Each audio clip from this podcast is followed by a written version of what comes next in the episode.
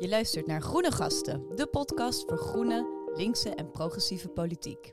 Om de zoveel weken spreken wij denkers en doeners die de wereld een beetje mooier maken. Mijn naam is Sanne van Keulen. En ik ben Noortje Thijssen.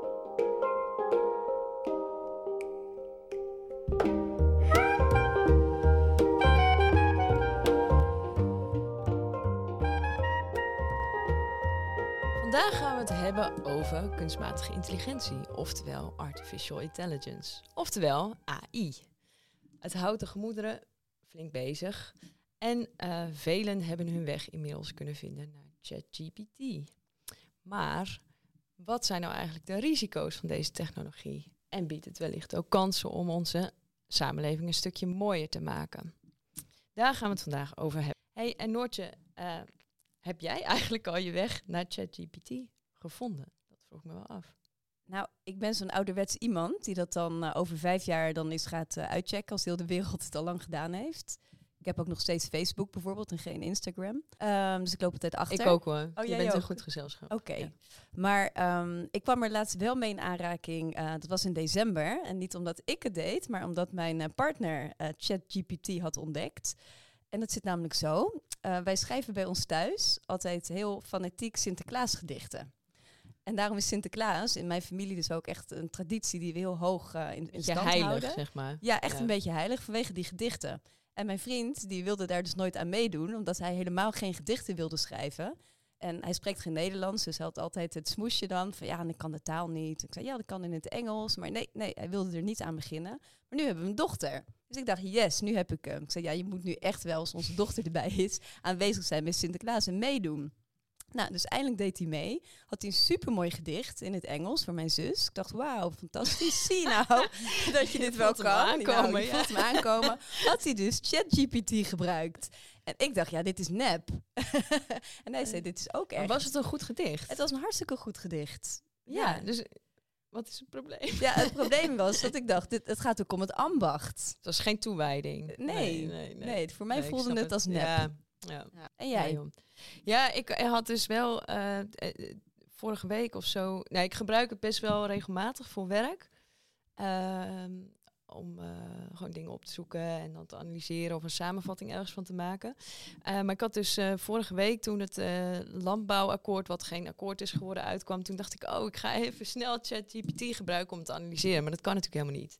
Want dat heeft hij dan nog niet opgenomen in zijn database. Dus toen dacht ik wel, ja, dit is wel heel beperkt. Dus ik was teleurgesteld. Ja. Maar goed. Geen ChatGPT meer voor jou? Nee. nee. Nou, jawel. Jawel, stiekem wel. Ja. Vandaag uh, gaan we in gesprek met niemand minder dan uh, Kim van Sparretak, Europarlementariër voor GroenLinks. Hallo. Hoi, welkom.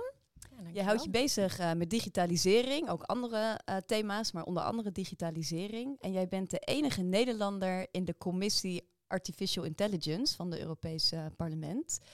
Um, wat, wat doet zo'n commissie? Nou, wij hebben in die commissie hebben we echt gekeken, goh, wat, um, ja, wat moeten we ermee eigenlijk? Je ziet overal AI opkomen, algoritmes worden overal gebruikt door bedrijven, door overheden. Dus daar hebben we echt uh, ja, heel duidelijk een rapport geschreven en echt onderzoek gedaan uh, met heel veel hoorzittingen met experts om eens te kijken, wat moeten we nou eigenlijk met dat AI? Moeten we het reguleren of niet? En mede daardoor is er nu ook een AI-wet uh, op tafel gekomen. Mooi, daar gaan we uitgebreid nog over praten zo meteen. Maar ik ben wel benieuwd of jij zelf ook gebruik maakt van bepaalde apps waar algoritmes onder zitten en die door AI uh, gedreven worden. Welke zijn dat? Ja, maar ik denk stiekem, als je goed nadenkt over je telefoon, al je apps. Gmail, mm. Gmail die flagt dingen als, als ze belangrijk lijken volgens Gmail. Dus dat daarvoor gebruiken ze AI. Uh, Instagram, Facebook, Twitter, hè, om, dat, uh, om die tijdlijn te maken, dat is ook AI. Um, maar ja, ik heb dus ook wel ChatGPT gebruikt al. Um, het is erg handig om te kijken wanneer je nou welke planten moet snoeien. Oh, want dat is een goede Want tip. daar zijn de oordelen ja. heel vaak niet over eens. En die maken gewoon een samenvatting. Sommigen zeggen dit, sommigen zeggen dat. En dan kan je zelf mee bepalen. Dus dat, dat, dat is wel een tip. Ook in het Nederlands werkt dat erg goed. Um, en om uh, slogans te bedenken. Uh, mm. Ik was laatst uh, naar een transrechten um, uh, demonstratie. En ik dacht echt, oké, okay, hoe kan ik nou echt een goede slogan maken die echt voor allies is? Dus niet per se dat ik zelf trans ben, maar gewoon voor allies en zo. En ChatGPT was daar heel goed in. Behalve toen ik zei, en now make it funny. En toen dacht ik echt, oké, dat kan ik nog Oh, niet. nee, Dus hebt humor geen snapt humor. hij nog totaal niet. En zijn er ook apps die je juist niet gebruikt vanwege de risico's die je ziet? Ja, ik, ik zelf gebruik TikTok niet. Hm. Ehm, ik, ik, eh, dat is meer omdat ik het, eh, omdat ik ehm, best wel veel bezig ben, dus met nou, wat de gevolgen zijn en wat, wat voor wat verslavend ontwerp met mensen doet. Ehm, en als ik zie hoe, hoe ik soms heel gemakkelijk zo zonder e- überhaupt na te denken weer een kwartier op Instagram zit te scrollen, dan denk ik TikTok is zeker niet voor mij, want dat is nog veel verslavender dan, eh, dan Instagram. Goed dat je het weet van jezelf. Ja, Ja. ja. Nou, maar laten we eerst even gewoon goed inzoomen op dat AI. Want ik denk dat voor heel veel luisteraars ehm, ja, het echt ook nog wel onduidelijk is. Van waar hebben we het dan precies over? Wat valt daaronder? Jij zegt net al, het komt overal eigenlijk terug. Dus best wel goed, denk ik, om onszelf een beetje ja, te, te onderwijzen hierin. Kan jij nou in hele simpele taal uitleggen wat AI is en waar je het tegenkomt? Nou, AI is eigenlijk een hele slimme rekenmachine. Die allemaal dingen bij elkaar zet en daar een berekening in maakt. En ehm, nou, zoals wij eh, naar AI kijken vanuit wetgeving, dan kijken we ook naar hele simpele algoritmes. Dus bijvoorbeeld dingen die in een Excel-sheet staan. Eh, dat, een Excel-sheet die je zegt, dan zeg je, oh nou, eh, doe dit maar bij elkaar optellen, doe dat maar gedeeld door. En dan heb je weer een ander vakje waar dan een uitkomst in zit. Nou, dat is ook al een, een algoritme. En dan heb je dus kunstmatige intelligentie. En daar programmeer je dus de rekenmachine. Zeg je, nou, jullie moeten ervoor zorgen dat er uit eh, de rekenmachine komt eh, wat eh, het gemiddelde is van al deze dingen samen. Maar ook wat dan de mensen leuk vinden op basis an- van andere data. En daar komt dan iets uit. En dat is het verschil tussen gewone algoritmes en kunstmatige intelligentie. Dat middelste stukje, dat weet je niet precies. Dat, doet, daar, daar, dat berekent die computer zelf op zo'n slimme manier dat je daar op een gegeven moment geen grip meer op hebt. En dan heb je een vrij, simpele, een vrij simpel algoritme, zoals bijvoorbeeld ehm, nou ja, de, de weer-app. Die kijkt gewoon naar wat de, wat de verschillende voorspellingen zijn geweest die dag. De, voorspellingen zelf, die, eh, die algoritmen zijn dan wel weer, weer wel heel ingewikkeld. Maar een weer-app kijkt gewoon wat zijn al de gemiddelde en dat zetten we daarop. Ehm, en ehm, ja, daar, daar eh, moet je gewoon goed naar kijken hoe je daar, eh, hoe je daar re- eh, regels voor maakt. Mhm. Ehm, en hoe je daarmee omgaat. En, maar ja, zo'n weersvoorspelling bijvoorbeeld. Ja, daar gaan zoveel datapunten van alle satellieten van de wereld in zitten. Ja, daar weet je gewoon niet meer precies hoe dat ding een, een berekening heeft gemaakt. En daarom vinden mensen AI, dus kunstmatige intelligentie, een beetje spannend. Want die computer lijkt dus zelf na te denken. En wij snappen niet meer precies wat die, zelf, wat die computer doet. Een soort black box. Ja. ja. Ja. En zijn er ook bepaalde misverstanden over AI die jij vaak eh, hoort terugkomen? Oh, heel veel. En ik denk het grootste misverstand is dat eh, we al op een punt zijn van de Hollywoodfilms.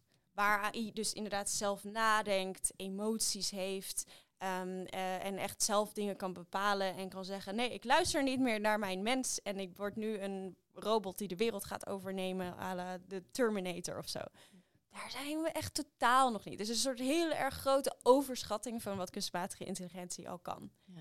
En waar, waar komen deze mythes dan vandaan? Komt het uit de films of ook uit de techwereld zelf? Want volgens mij in Silicon Valley wordt wel gezegd van, oh jee, voor het eerst eh, weten we ook niet zo goed waar dit naartoe gaat. En dat is wel nieuw, toch? Ik bedoel, het Ja. wordt wel gevoed door iets wat bestaat. Ja, het is een combinatie, denk ik inderdaad. Ik denk dat ehm, de, de, de, ja, de enorme vooruitgang die we de afgelopen jaren hebben gezien, dat dat sneller is dan ze hadden verwacht. Ehm, dus ik ben daar wel een beetje cynisch over. Want de mensen die het hardst roepen, oeh, het gaat te snel, zijn de mensen die ehm, in een interview een week later zeggen, ja, ik baal echt dat ik niet meer geïnvesteerd heb in OpenAI en daar geen onderdeel van ben. Hmm. OpenAI is het bedrijf dat ChatGPT heeft gemaakt. Elon Musk zat daarin, heeft dat verkocht. Elon Musk is nu een van de mensen die het hardst roept... oh nee, OpenAI moet stoppen met ChatGPT. Dus ik ben ook een beetje sceptisch hierover. Maar goed, het is natuurlijk zo, inderdaad, het gaat harder dan we denken. Ehm, en ehm, ja, als dingen heel erg snel ehm, ontwikkelen... dan is het belangrijk om, om wel gewoon tussendoor ook heel even te pauzeren en te kijken... oh, gaat het nog goed? Dus, dus dat begrijp ik wel. En ja, en Hollywoodfilms. Ik denk dat dat de meeste verbeelding heeft. Voor mij heeft het heel erg geholpen dat ChatGPT bijvoorbeeld uitkwam. Omdat ik daarvoor heel erg... Mm. eh, nu kan ik het heel simpel uitleggen. Dit is AI. Ja. Ehm, en daarvoor kon ik het wel uitleggen natuurlijk met inderdaad het Facebook-algoritme van... Ja, dat is zo slim dat het weet wat, jou wat jij leuk vindt. En dat is op basis van alle data die ze verzameld hebben over jou.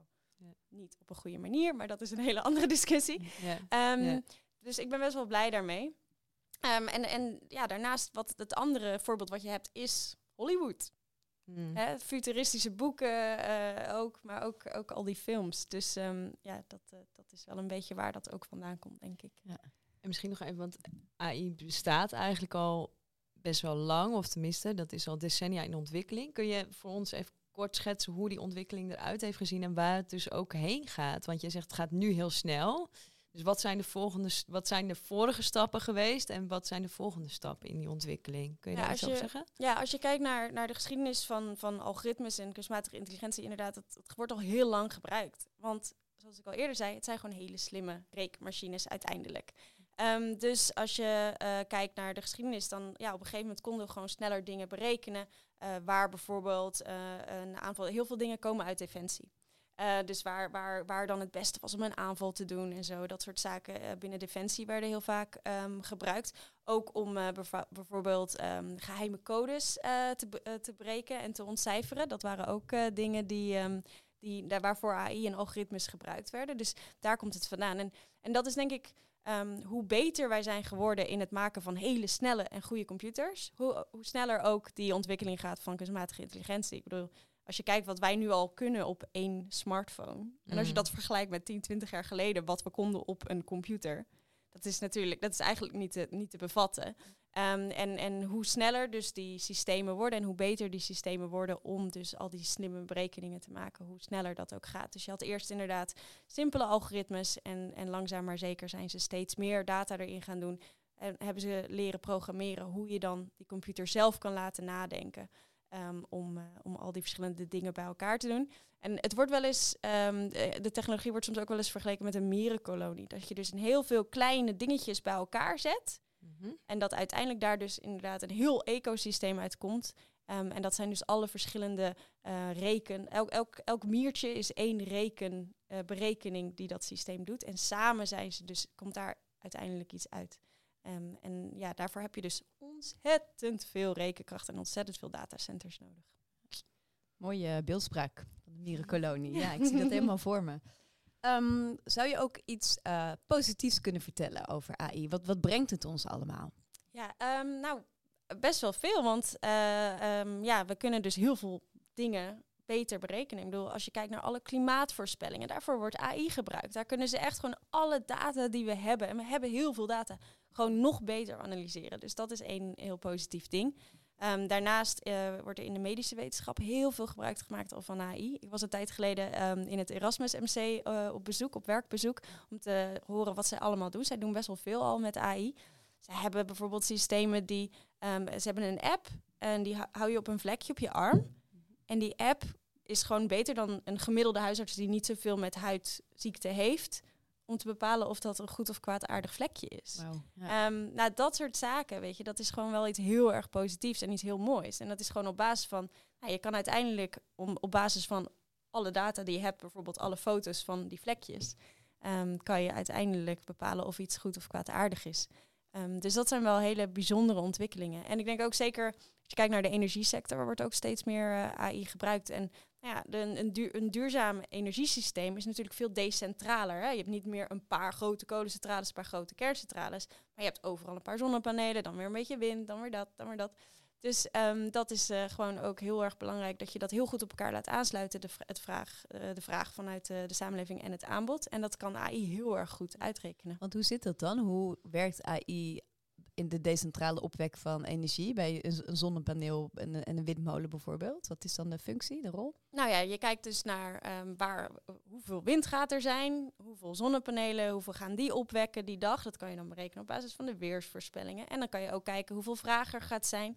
Ehm, daar kunnen ook bijvoorbeeld grote eh energieslurpers die we hebben, die kunnen daar dan weer hun, hun productieproces op aanpassen. En uiteindelijk kan je daar dus heel erg goed mee berekenen en schakelen om ervoor te zorgen dat we gewoon een, een duurzaam energienet hebben waar de energie zo efficiënt mogelijk gebruikt wordt. Want opslag, dat kost gewoon altijd energie. Dus je wil het liefst dat dat gewoon zo goed mogelijk op elkaar aansluit. Zullen we even naar onze... We hebben drie dilemma's voor jou geformuleerd. Ja, ja, ja. De vraag is AI als vloek of als zegen. En eh, we beginnen bij dilemma nummer één. En dat gaat over AI in de arbeidsmarkt.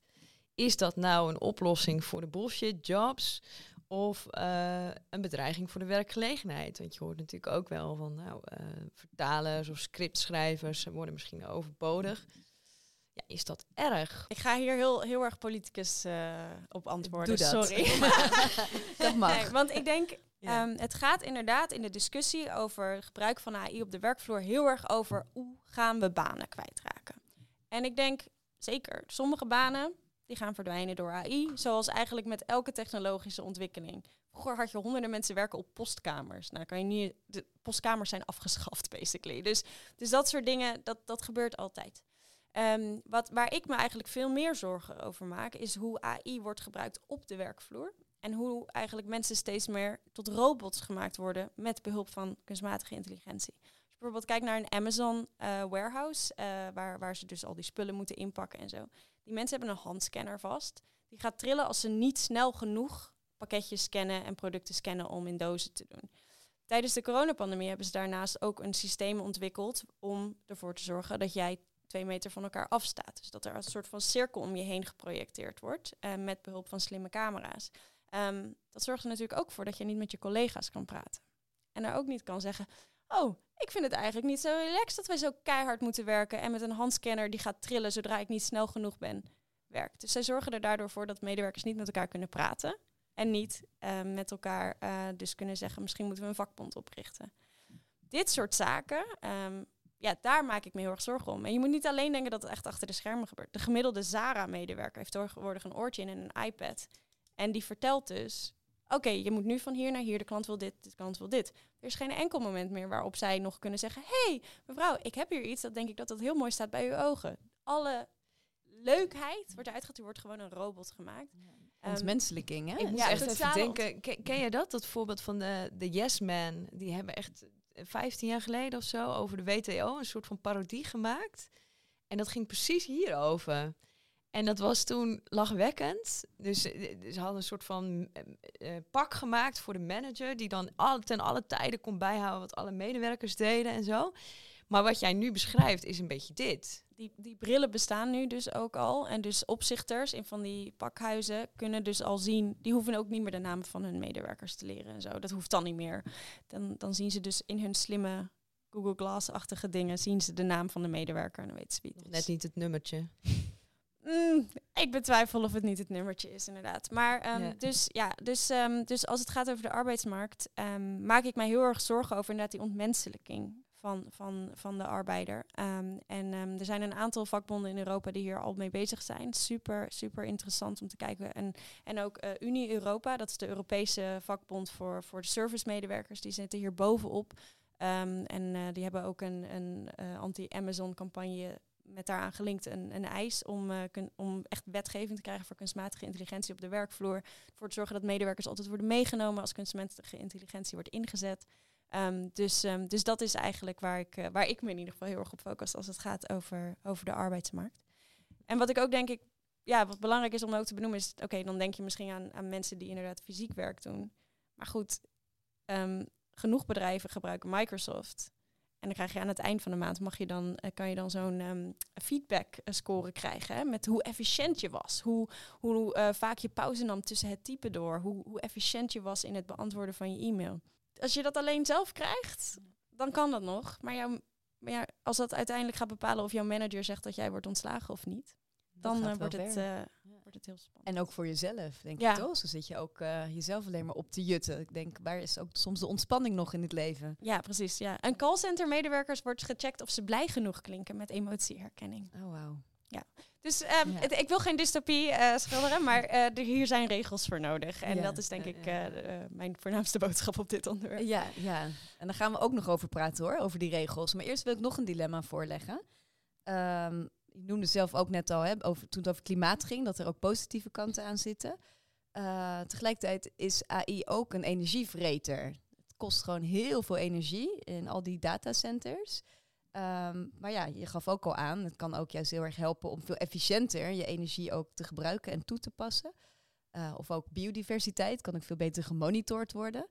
Waar sta je hier in dit dilemma tussen goed en slecht? Ehm, nu slecht. Eh, het, het kost nu nog veel te veel energie. Als je ziet hoeveel energie het bijvoorbeeld kost om ChatGPT te trainen, dat is echt belachelijk. En al die datacenters, die maar worden geopend. Want het is natuurlijk ook een hype nu. Dus je gaat ook overal datacenters openen bij, oh ja, die ene kolencentrale die was eigenlijk al dicht. Maar het is nu, omdat het ook niet meer financieel haalbaar was. Maar als we daarmee coole AI maken, dan wordt het weer financieel haalbaar. Ehm, dus dan gaan we weer een kolencentrale voor openen. Dat soort dingen zie je gebeuren. Dus momenteel zou ik ze, eh, zeggen dat het aan de slechte kant zit. Mhm. Uh, ook omdat er totaal geen rekening meer wordt gehouden echt met het, met het milieu heel vaak door, door de verschillende AI-bedrijven. We hadden als voorbeeld toen wij die hoorzittingen hadden inderdaad over klimaat en AI. kwam er een bedrijf dat vertelde, ja wij zijn nu echt supergoed in het snel um, uh, inzien van, um, van of er een olielek is bij een boorplatform. Ja, dat is op zich wel goed. Maar is dit nou de AI die we willen? Willen überhaupt geen olieboorplatforms meer. Ja. Waarom gaan we dan heel erg daarop zitten? Dus voor nu heb ik het gevoel dat dat nog heel erg los van elkaar staat. En, en dat is ook wel jammer in Europa, vind ik. Want de Europese Commissie heeft twee grote doelen. Ze hebben de Green Deal, die iedereen kent. En je hebt ook Europe Fit for a Digital Age. Daar, dat is wat minder bekend, maar daar, daar vallen al die digitale wetgeving onder. Die twee communiceren niet met elkaar. Dus het is vo volledig in silo's. Um, en als wij, ik, ik geloof echt dat AI heel veel kansen brengt. Maar als we dat niet op een duurzame manier doen, gaat uiteindelijk die hele digitale sector, alles wat we met de Green Deal doen, gewoon weer uh, niks te maken. niet doen. Ja, te niet doen. Maar Dus kun je dat concreet maken? Want hoe, hoe oké, je zei bijvoorbeeld ChatGPT, dat is een enorme hè, energieslurper. Hoeveel energie gaat daar dan in om die bots te trainen? Kan je Um, dat proberen tastbaar te maken met een vergelijking? Ehm, eh, weet ik niet uit mijn hoofd. Sorry, sorry, maar ja. het is wel echt, eh, het is echt, echt, als je zag hoeveel ehm, datacenters zij daarvoor hebben gebruikt. Er wordt ook al gezegd, het is eigenlijk niet mogelijk om nog een ChatGPT te maken. Gewoon op basis van de hoeveelheid aan datacenters. Dus er gaat eigenlijk nooit eerlijke competitie komen, ook in die markt. Omdat je zoveel datacenters nodig hebt, dat je er eigenlijk niet vijf tegelijk kan trainen.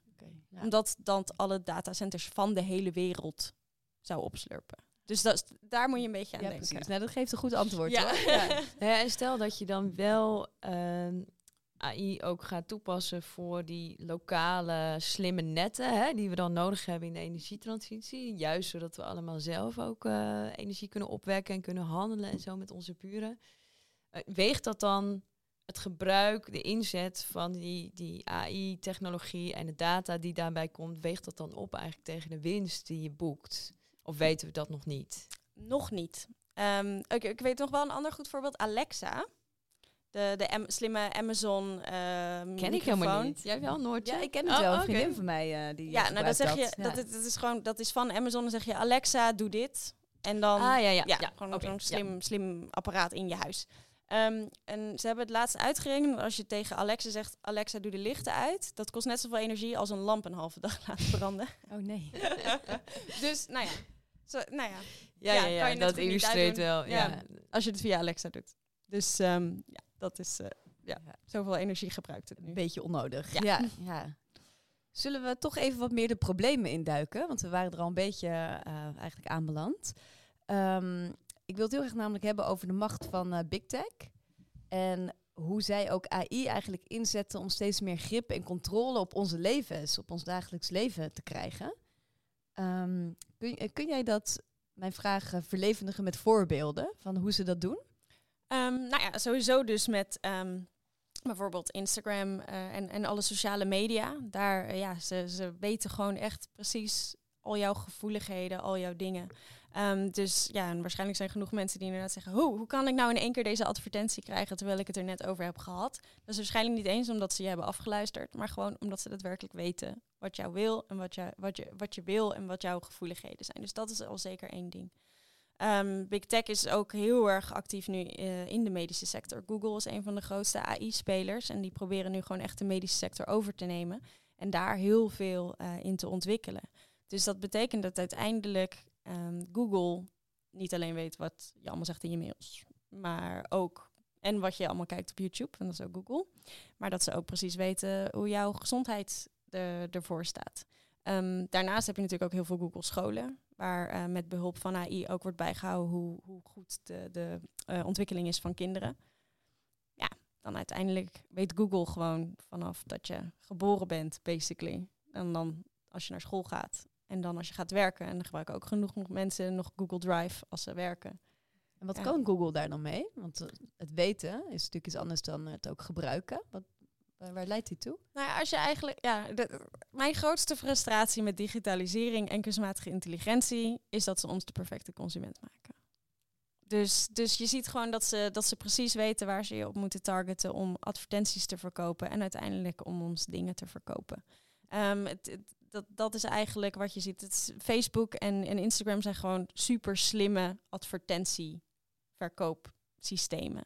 Ehm, en dat is eigenlijk ja, waarvan ik altijd denk, ja, daarom, zeker daarom moeten we Big Tech echt proberen te beperken hierin.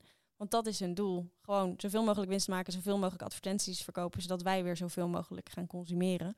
Ehm, en, en ze willen ons gewoon de perfecte consument maken. Dus het is niet eens eh, iets wat, ja, en eh, wat, wat de overheid die ons volledig gaat overnemen. Maar ja, het is echt die, die big tech bedrijven die ons willen laten consumeren. dingen willen laten kopen en verslaafd maken is natuurlijk één ding wat die big tech bedrijven doen. Tegelijkertijd zie je wel dat hun platforms ook worden gebruikt voor politiek, eh, voor bewegingen. Hè, ehm, hoe beïnvloedt AI en die, en die big tech platforms eigenlijk onze democratische rechtsstaat? Nou, bijvoorbeeld Instagram en Facebook, Twitter. Die algoritmes zijn zo ingericht dat ehm, wij ehm, de dingen zien waar we het meeste emotie bij voelen. En dingen waar je het meeste emotie bij voelt, zijn dingen waar je angstig van wordt en waar je boos van wordt. Dus als je dan ziet van ergens, middle of nowhere, ergens is, eh, is een eh, kind aangereden en diegene is doorgereden. Ja, daar word je boos van. Dat, wordt, daar word je, dat vind je naar. Ehm, dat soort dingen komen steeds vaker in je tijdlijn. Daarnaast zijn het natuurlijk dingen die ehm, eh, bijvoorbeeld in de politiek worden gezegd. Hè? Wilders die weer een of andere rotopmerking maakt. Dat komt bovenaan je tijdlijn. Daar word je agressief van, daar word je boos van. Uiteindelijk is die hele tijdlijn nu dus zo ingericht dat jij dat het vaakst krijgt. En daardoor krijg je dus ook heel veel desinformatie en misinformatie op je tijdlijn. Leugens die worden verspreid. Die komen ook bovenaan je tijdlijn te staan. Waardoor jij gaat denken op een gegeven moment... Nou ja, wat gebeurt er allemaal in de wereld? Dat kan toch allemaal niet? Ehm, en je ziet dat ook daardoor eh, een Trump bijvoorbeeld. Die heeft alleen maar desinformatie misinformatie verspreid. Maar als bijvoorbeeld Facebook een van je voornaamste vormen van nieuwsgaring is... dan ga je geloven dat dat allemaal waarheid is. Ehm, en je ziet gewoon heel erg dat eh, ze heel veel macht hebben op, op hoe mensen naar de maatschappij kijken.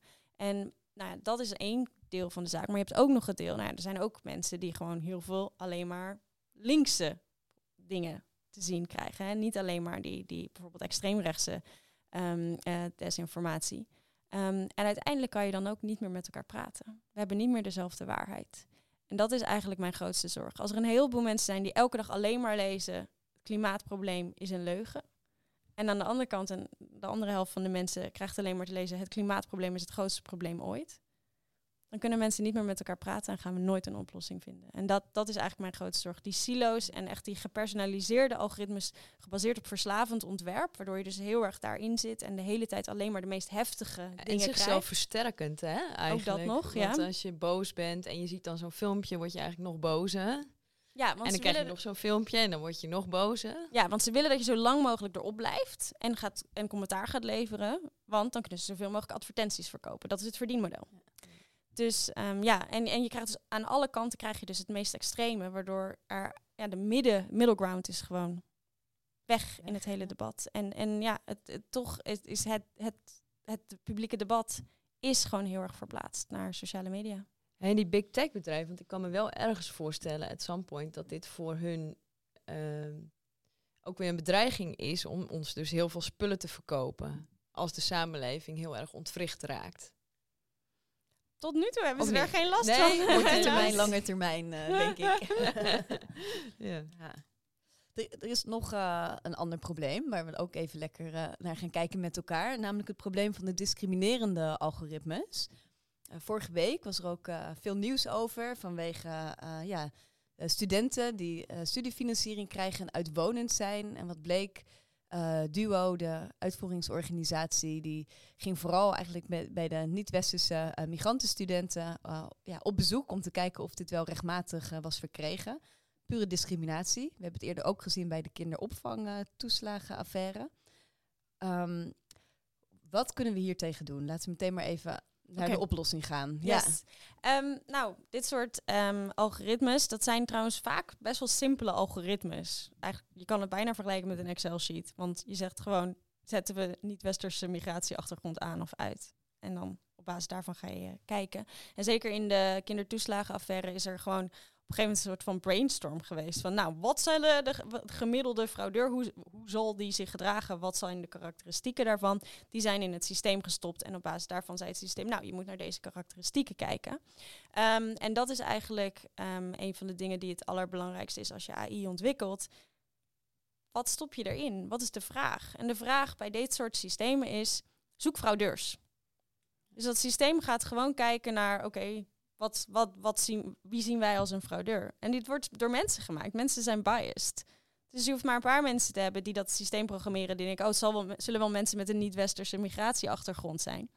En het komt in het systeem terecht. En dat systeem gaat op zoek naar fraudeurs, vindt fraudeurs. Ondanks dat ze het niet zijn. Maar ja, dat systeem heeft de opdracht om fraudeurs te vinden. Ehm, en, en dat komt eruit. Ehm, en eh, dit is een van de, de voornaamste dingen waar ik eigenlijk naar heb gekeken toen ik bezig was met de kunstmatige intelligentiewet. Die echt gaat over risico's beperken. Voor mij was dit prioriteit nummer één. Hoe gaan we ervoor zorgen dat we nooit meer zo'n affaire hebben eh, op basis van discriminerende algoritmes? Natuurlijk, hè, het, het, het bredere systeem van een, een ook discriminerende, niet functionerende belastingdienst. Nee, dat ga je niet oplossen met een AI-wet. Maar laten we in ieder geval de AI-deeltjes daarvan eh, proberen te, te stoppen. Dus we hebben eerst, allereerst hebben we een eis erin gestopt dat we altijd volledige transparantie hebben over wat je erin stopt. Dat daar een, een toets op moet zijn gedaan of dat niet discriminerend is. Dat alle data dus niet discriminerend zijn of zoveel mogelijk niet En discriminerend wie zijn. toetst dat dan? Ehm, de bedrijven zelf moeten dat, moeten dat toetsen, maar daar moeten ze dus ook echt een rapportage over schrijven en dat kan gecheckt worden. Ehm, dan ehm, moeten we ervoor zorgen dat die systemen, die, ehm, die, als ze worden geprogrammeerd, dat daar geen discriminatie in zit. Dus dat moet daar ook precies in staan. En dan kijken we naar de uitkomst. Nou, dan doen we weer een check of het niet discrimineert. Maar ook voordat dan een medewerker die toets mag gebruiken, doen ze nog een mensenrechtentoets. En kijken ze, discrimineert dit systeem niet? Komt er iets uit wat eigenlijk niet kan? Waardoor je eigenlijk in de hele keten van nou hoe het wordt gemaakt en hoe het wordt gebruikt, dat je daar in ieder geval ehm, transparantie hebt en dat daar elke keer weer checks op worden gedaan. En daarnaast hebben we het ook eh, erin eh, voor elkaar gekregen, ook in de parlementspositie, dat eh, mensen ehm, altijd moeten weten dat er een systeem wordt gebruikt op hen. Dus dat is echt een, een enorm register, een algoritmeregister, ehm, waarin precies staat wat voor algoritmes er worden gebruikt door de overheid. Amsterdam heeft er al een. En daar is het ook op gebaseerd, wat we hebben voorgesteld in Europa. Ehm, waardoor je gewoon weet, oké, welke algoritmes worden er gebruikt door de gemeente eh, of door een land of wat dan ook, door een overheid. Eh, wat doen die precies en wat is het doel ervan? Dan moet je dan niet heel veel kennis hebben. Want ik denk als ik een algoritme zou zien, zie ik vooral van nullen en eentjes. En dan heb ik geen idee wat er eigenlijk staat, want ik ben geen programmeur. Hoe, hoe, hoe, kom ik daar dan achter? Hetzelfde bij gebruiksvoorwaarden. Ik zeg altijd maar akkoord, want ik ben geen jurist. Ik denk, wat staat hier? Het zal wel, ik wil door. Weet je, hoe zorg je ervoor dat, dat wij gewone mensen dan ook de kennis hebben om dit te begrijpen en te kunnen toetsen? Ja, ik weet niet of jullie eh, show notes hebben, zoals de andere podcast, of dat je Ja, dat op de website kan vinden. Ja. Maar ga, Mm. zet daar eventjes de, het linkje naar dat eh, algoritmeregister eh, van ehm, eh, de gemeente Amsterdam. Want het is heel duidelijk, staat gewoon in een paar zinnen, dit algoritme zoekt naar dit en dit. Ehm, En het is gewoon super simpel opgeschreven in een paar zinnen. Doen zij het dan ook bijvoorbeeld als je een brief krijgt of zo van de gemeente, waar eh, dan bijvoorbeeld in staat, we, hebben hier een algoritme op toegepast, of dat nog niet? Nog niet, maar dat is ook wel een van de eisen. Dus dat er echt, dat daar echt transparantie over komt. En ook dat je nooit met lege handen meer mag staan. Want dit was natuurlijk het probleem. Hè? Bij, bij al die, al die affair- affaires is het gewoon... Ja, de computer zei dat je fraudeur was. Dus eh, ja, en dat was Dus het. niemand was verantwoordelijk. Niemand was verantwoordelijk. Ja. Daarom willen we dus ook specifiek dat medewerkers zo'n mensenrechtentoets doen. Ja. Zodat Mm. mensen zich verantwoordelijk voelen. Ehm, en daarna dus dat mensen ook gewoon antwoord kunnen krijgen. Wat deed het algoritme? Waarom zat ik erin? Waarom ben ik eruit gekomen?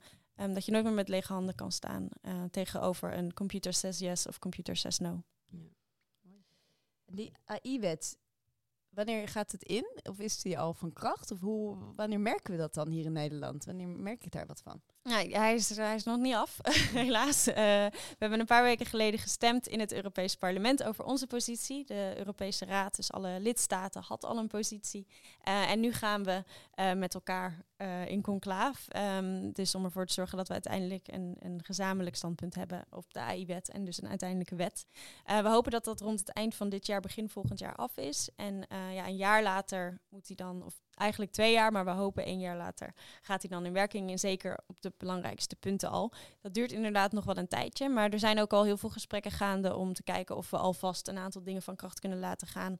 Uh, zoals bijvoorbeeld op die allergrootste systemen zoals ChatGPT, om te kijken of zij in ieder geval aan wat regels kunnen voldoen. Dus, uh, dus dat is al uh, iets, iets, iets positiefs. maar ja, rond dan kunnen we verwachten dat, dat dit echt wordt ingevoerd. En nou, dan hoor je altijd over twee jaar pas, maar dat is dan de deadline. Hè? Ja. Dus daarvoor gebeurt, moet er gebeurt alles gebeuren. al. Ja. ja. En toen, toen jullie dit aan het maken waren, eh, heb je dan ook veel anti-lobby ervaren van de, nou ja, de grote hè, techbedrijven die uh, toch probeerden om iets anders uh, voor elkaar te krijgen dan die AI-wet? Kun je daar iets over zeggen? Ja, ik zit te lachen. ja, ja, continu. Um, en dat begon al met die hele grote systemen. Dus de ChatGPT, maar ook DALI, dat is zo'n um, beeld, uh, de beeldmaaksysteem. Dat, uh, dat je kan zeggen, ik wil graag een uh, foto van Mark Rutte op een opblaasband voor het torentje of zo. Nou, dat soort dingen. Um, dat soort systemen, daar hebben ze vanaf het begin af aan, hebben ze daarover gelobbyd. Dat kan niet in de AI-wet komen. Want dat zit namelijk zo, in de AI-wet hebben we eigenlijk drie categorieën. We hebben onacceptabel risico, gewoon AI-systemen, die willen we niet, die verbieden we. Mhm. We hebben hoog risico. Nou, dat zijn systemen met bijvoorbeeld het doel om ervoor te zorgen dat een kerncentrale niet ontploft. Of een systeem met als doel om te bepalen of jij uh, wordt aangenomen in een sollicitatiegesprek. Nou, dat die echt zo'n een soort van levensbedreigend of levensbepalende beslissing maken. Die AI-systemen zijn hoog risico. ChatGPT, ja, als je het gebruikt of een deepfake. Ja. Ja, waar valt dat dan nee, die worden wel verboden, want die zijn gewoon hartstikke gevaarlijk. of die willen we wel het liefst verbieden. Waarschijnlijk worden die um, in ieder geval hoog risico, moeten aan alle voorwaarden voldoen. Nee, maar um, als je kijkt naar, naar ChatGPT, ja, die kan je aan een trollenleger van Poetin koppelen. Dat is levensgevaarlijk. Maar ja, die kan dus ook een Sinterklaasgedicht maken. Ja, en dus, ja, dus, die, dus het doel van ChatGPT is niet per se hoog risico. Zij hebben steeds gezegd, het heeft niet een clear purpose. Het is general purpose. Dus het valt er niet onder. Um, de commissie heeft dat inderdaad geaccepteerd. Die hebben gezegd, het valt er niet onder, onder de wet. Um, de rechtse partijen in het parlement wilden zelf zeggen, ja, we moeten specifiek in de wet schrijven dat zij er niet onder vallen en er nooit onder zullen vallen. Mm. Wij stonden aan de andere kant hebben gezegd, dit soort systemen kunnen juist voor van alles gebruikt worden. Dus zorg er nou voor dat ze gewoon wel ook onder die hoogrisicocategorie vallen, zodat ze in ieder geval aan de regels moeten voldoen. Um, en uiteindelijk, nou ja, de, de techlobby spendeert 100 miljoen. Ja, dat is nog steeds niet uh, heel erg niet te bevatten hoor. Maar is dat vergelijkbaar met een fossiele lobby? Of? Nee, groter. Oh, wauw. Groter dan de medische en groter dan de fossiele lobby. Ja. Ja, dat zegt ook wel wat over het belang, hè? Ja. Mhm. Heel veel geld. maar, um, dus zij hebben altijd echt keihard gelobbyd om dat er niet onder te krijgen. En toen dachten ze in één keer vlak voor de deadline... Um, oh, Misschien moeten we gewoon ChatGPT uitbrengen en DALI, waardoor iedereen in paniek raakte en zei: oh, Maar deze systemen kunnen van alles. Misschien moeten we ze wel reguleren. En iedereen had het er ook over. Ja. Dus mij heeft dat heel erg geholpen in de onderhandelingen door te zeggen: Nou, ja, we gaan natuurlijk niet naar buiten komen uit deze onderhandelingen zeggen nee, maar daar hebben we geen regels voor. Want het is waar iedereen nu het over heeft en iedereen naar vraagt. Dus die techbedrijven hebben eigenlijk hun eigen glazen ingegooid door, um, door dat te zeggen. Ze zijn wel alsnog afgelopen maanden is iedereen langsgekomen. Ik, ik, ik mocht uh, met de baas van Google praten in een fireside chat onder Chatham House Rules, zodat je er dus niet over mag vertellen wat hij heeft gezegd. Um, dat heb ik allemaal niet gedaan hoor. Maar weet je, ze zijn allemaal langsgekomen. De grote bazen van Microsoft uh, zijn op kantoor geweest. Uh, van, van OpenAI, van ChatGPT. Ook wel weer mooi om te horen dat ze ondanks zoveel geld en denkkracht wat erachter zit, dan zichzelf toch in de voet hebben geschoten qua strategie. Ja, dit hadden ze geestig. Ja, dit hadden ze denk ik volgens mij niet aanzien komen. En ik vind het heel erg, heel erg grappig. Um, maar ja, nee, ze zitten er bovenop en het is uh, ja. heel frustrerend, want het werkt ja, dat blijkt ook. Ja. En zullen we wat meer uh, inzoomen naar Nederland? Want jij zit natuurlijk in Europa. Eh, maar wij hebben nu in Nederland eh, hier voor het eerst een minister voor digitalisering.